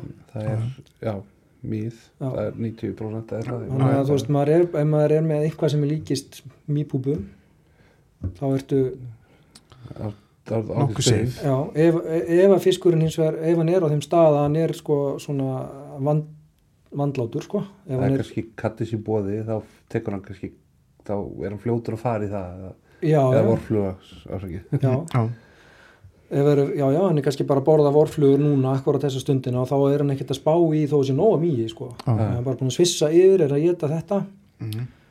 og þá er maður örugari af með eitthvað sem að líkist náttúrulega vorflugunni en ég veit ekki hvað ég ætti að segja sko, ég myndi, myndi fessan teil hér eira, þetta er bara klassík sko Hey, hvað er alltaf þú að veiði í sumaníku? Herðu, ég er bara ég er nú farin núna bara annan april í, í, í Varmá Já, við erum Já. að taka þetta upp hérna 30. mars, 30. mars, já. Þú ert að fara bara eftir tvo daga. já, já, 31. mér sér. Já, já. já, það er bara ennþá stýttra Já, betra. Já. og svo er ég að fara helgina þar eftir er ég að fara í minnivallaleg Já, einmitt. Mhm. og við erum snemma núna en við ætlum svona að reyna á það. Já, uh, ég er ekki að fara í vatnamótin núna. En hefur þegar verið það svolítið? já, aðeins svona. Hérna, það er náttúrulega svolítið svona sérstök veiði. Já, ólík flestu sem maður tegur sér fyrir hendur í veiði. Já. allavega fyrir mig sko. Þú ert að leita, er ferskvatn og, og jökulvatn og, og, og sandflæmi. já, og, mi og mikil vinna að leita fiski og svona. Já, já, en þetta er, þetta er áskorun, já, skemmtilegt. Já. um, svo er ég að fara nú bara þar ég er aðeins svona meira að segja ég ætti nú að vera með hérna, dagbókina með mér. Ég veit ég er að fara hérna uh, hvað er ég að fara annað uh, snemma í júni held ég sé bara þetta, þá verður náttúrulega bleikjan í þingvallatni já, Mhm. og ég ætlum að kíkja kannski eitthvað á urriðan líka svona, það sem að svona, pluss það að fara einhverja daga í varma og voru líka mhm, fyrir utan annan apríl ég er að fara síðan í júli er ég að fara í Mývasveit og Lillá það verður Mhm. helviti góð reysa. það verður viku sílungs svona Mhm. ferð sko og svona við, það fer eftir hvað við erum þreyttir hva, hvort að við stoppum einhver starf á leiðinni sko Já, ég hérna býst við að fara upp á Skagaheiði líka í svona setnipart júni, byrjun júli já, um, að, það er svona einn af þessum stöðum sem að sem að tóa svolítið í mann bara að vera þetta frelsi sko hann að Já. sumarnóttinu upp á heiði sko sko. góður kamar. Já. svo hérna er ég, hérna er nú ég litið í tjaldi bara hann Já, ok, já. Já. Það er bara skilur bílinn eftir og labba bara eitthvað er Mhm. bara svo tjálta maður bara Það veiði vötnum og einhverjum ámsarænum melli vatna. Já. Já, og ég er líka, svo eru veiðivötn hérna líka hérna setnipart júni Þú varst ekki að segja að það var svo hófsamur í þessu, svo gætar þið fyrir 20 daga, menn þetta verður að koma svona undarbeil í 100 daga. Nei, nei, svo er ekkert fyrir en hérna svo var, man ég, það var eitthvað í ágúst sem að ég man nú ekki alveg í augnumblíkinu sem ég hafa búin að bóka ég er að fara eitthvað þannig en hérna svo er, er rútaferðar á í september hvenær í september er þetta? það er bara hérna eitthvað se- lók september held ég ég sé næst síðasta eða, Það vortu bara hollið á eftir mér já, var það það má vera Þú vilt ekki hafa hann á undan, 27. 7. allavega. Nei, ég vil 8. ekki. getur það verið 27. 7. 8. getur það Já, en allavega ég manum ekki dagsetningan þar en og svo er svart á hérna, já, september líka sem að ég svona er í húnaðarsýslu eða bálaverð Nei, í eða í hérna, hérna, svart á í hún sko Já, lag- lag síðan þetta var sko. geggjað þetta hljómar eins og mjög gott sumar allavega. já, þetta verður fínt sko ég, ég hef nú sjaldan eða sko ég bóka ofta ekkit mikið fyrirfram sko. Nei, Þú veist, ég er meira í að stökkva á svona sko, svo fer ég sko, ég fer pottið eitthvað í kjósina held ég, eins og gerir hverju ári. Mm. en frekar seint sko. Já, um, uh, ég ætla að reyna að vera duglegur að stunda þingalvatn í hérna bara í bleikju. Það er svona, góð matuskur Já, já og bara, það er bara eitthvað, eitthvað sem að það er eitthvað sem að dregur mann hann alltaf aftur og aftur þannig að maður er að- maður er alinn hann upp sko já, eiginlega. já. Þú ert ekkert í álaveðinni Nei, ég hef samt veitt í nöðsatjörn Þú veit í nössatjörn Það er einu byrjun þáttan sem ránar að heyra það Ó, já. Marel. Já. Ég var þeim svo ekki var við ál en ég fekk byrting og bleikju Já, já, Já, þú er ekki verið á réttu stöðunum Þú Nei, nei, Þetta er ég- hann skilabóð, hann leipi neður eitthvað. Já, já en það, en það þú veist, ég, fer kannski aftur öktum hann Já, já, nákvæmlega. En hérna ál hef ég fengið hins vegar í varmá sko. Já, nefnir, það er tölvört aðeins þar. Já, já. Og hérna en ég held ég sé að þetta sé svona nokkurn veginn þar sem að ég, Já, frábært, hljómar eins og gott sumar. Já, heldur betur sko. ég held að verði það sko. En við lókum nú yfirleitt þættinu með hérna, við beðið fólkum að velja eitthvað, eitthvað, lag sem að tengir það við Við veiði? eða einmitt þetta að fara í veiði eða koma úr veiði eða hitta félagana og þá eiga, eiga menn einhvert lag og eitthvað. Eitthvað gýrun, sko. Einhver gýrun eða, eða niður gýrun annarkvort Já. sko. Já, og þú komst með lag fyrir okkur sem að við vorum báður mjög ánæði með að hvað var þetta? já, það var nefnilega þetta er, þú veist það er nú bara þannig, það er oft svona lög sem festast í hausnum á manni. Mm. Já, við erum búin að vera að tala hérna svolítið tæknilega um svona sinusveiði en, en hérna það var eitthvað haustið sem að ég hérna mér hafði ekkert gengin eitt voðalega vel að veiða hérna í Varmá og hvort það var ekki bara hérna, hérna árið sem þessi disku kom út ég mann ekkert hvenær hann kom út en, Mm.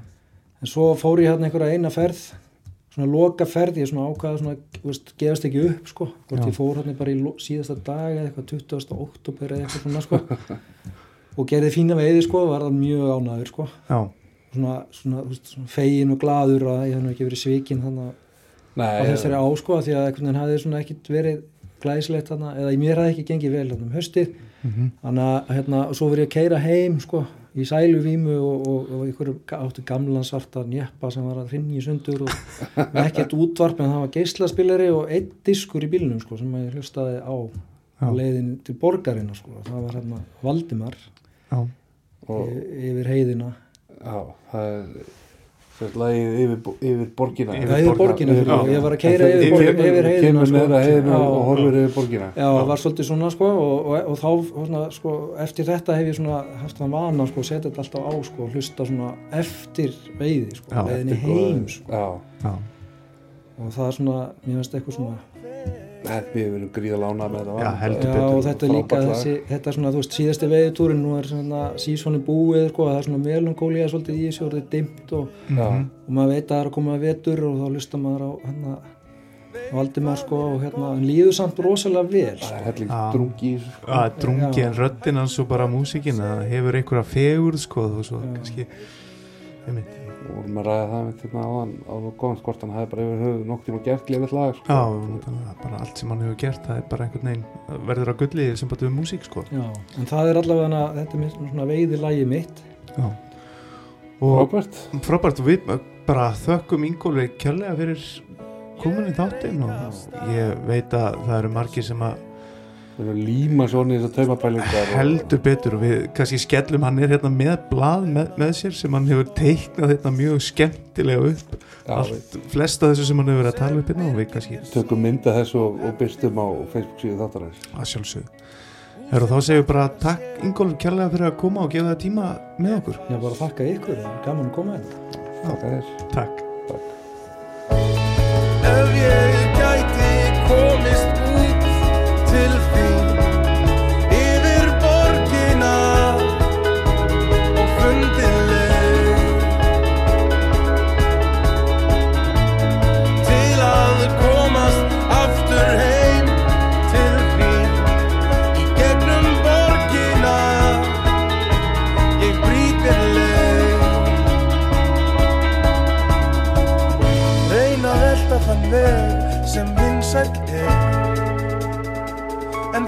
og leikur mig grátt. Ég tapa allt. Og hver ég er orðin einn Vild ég væri með þér? Nú har minn hver.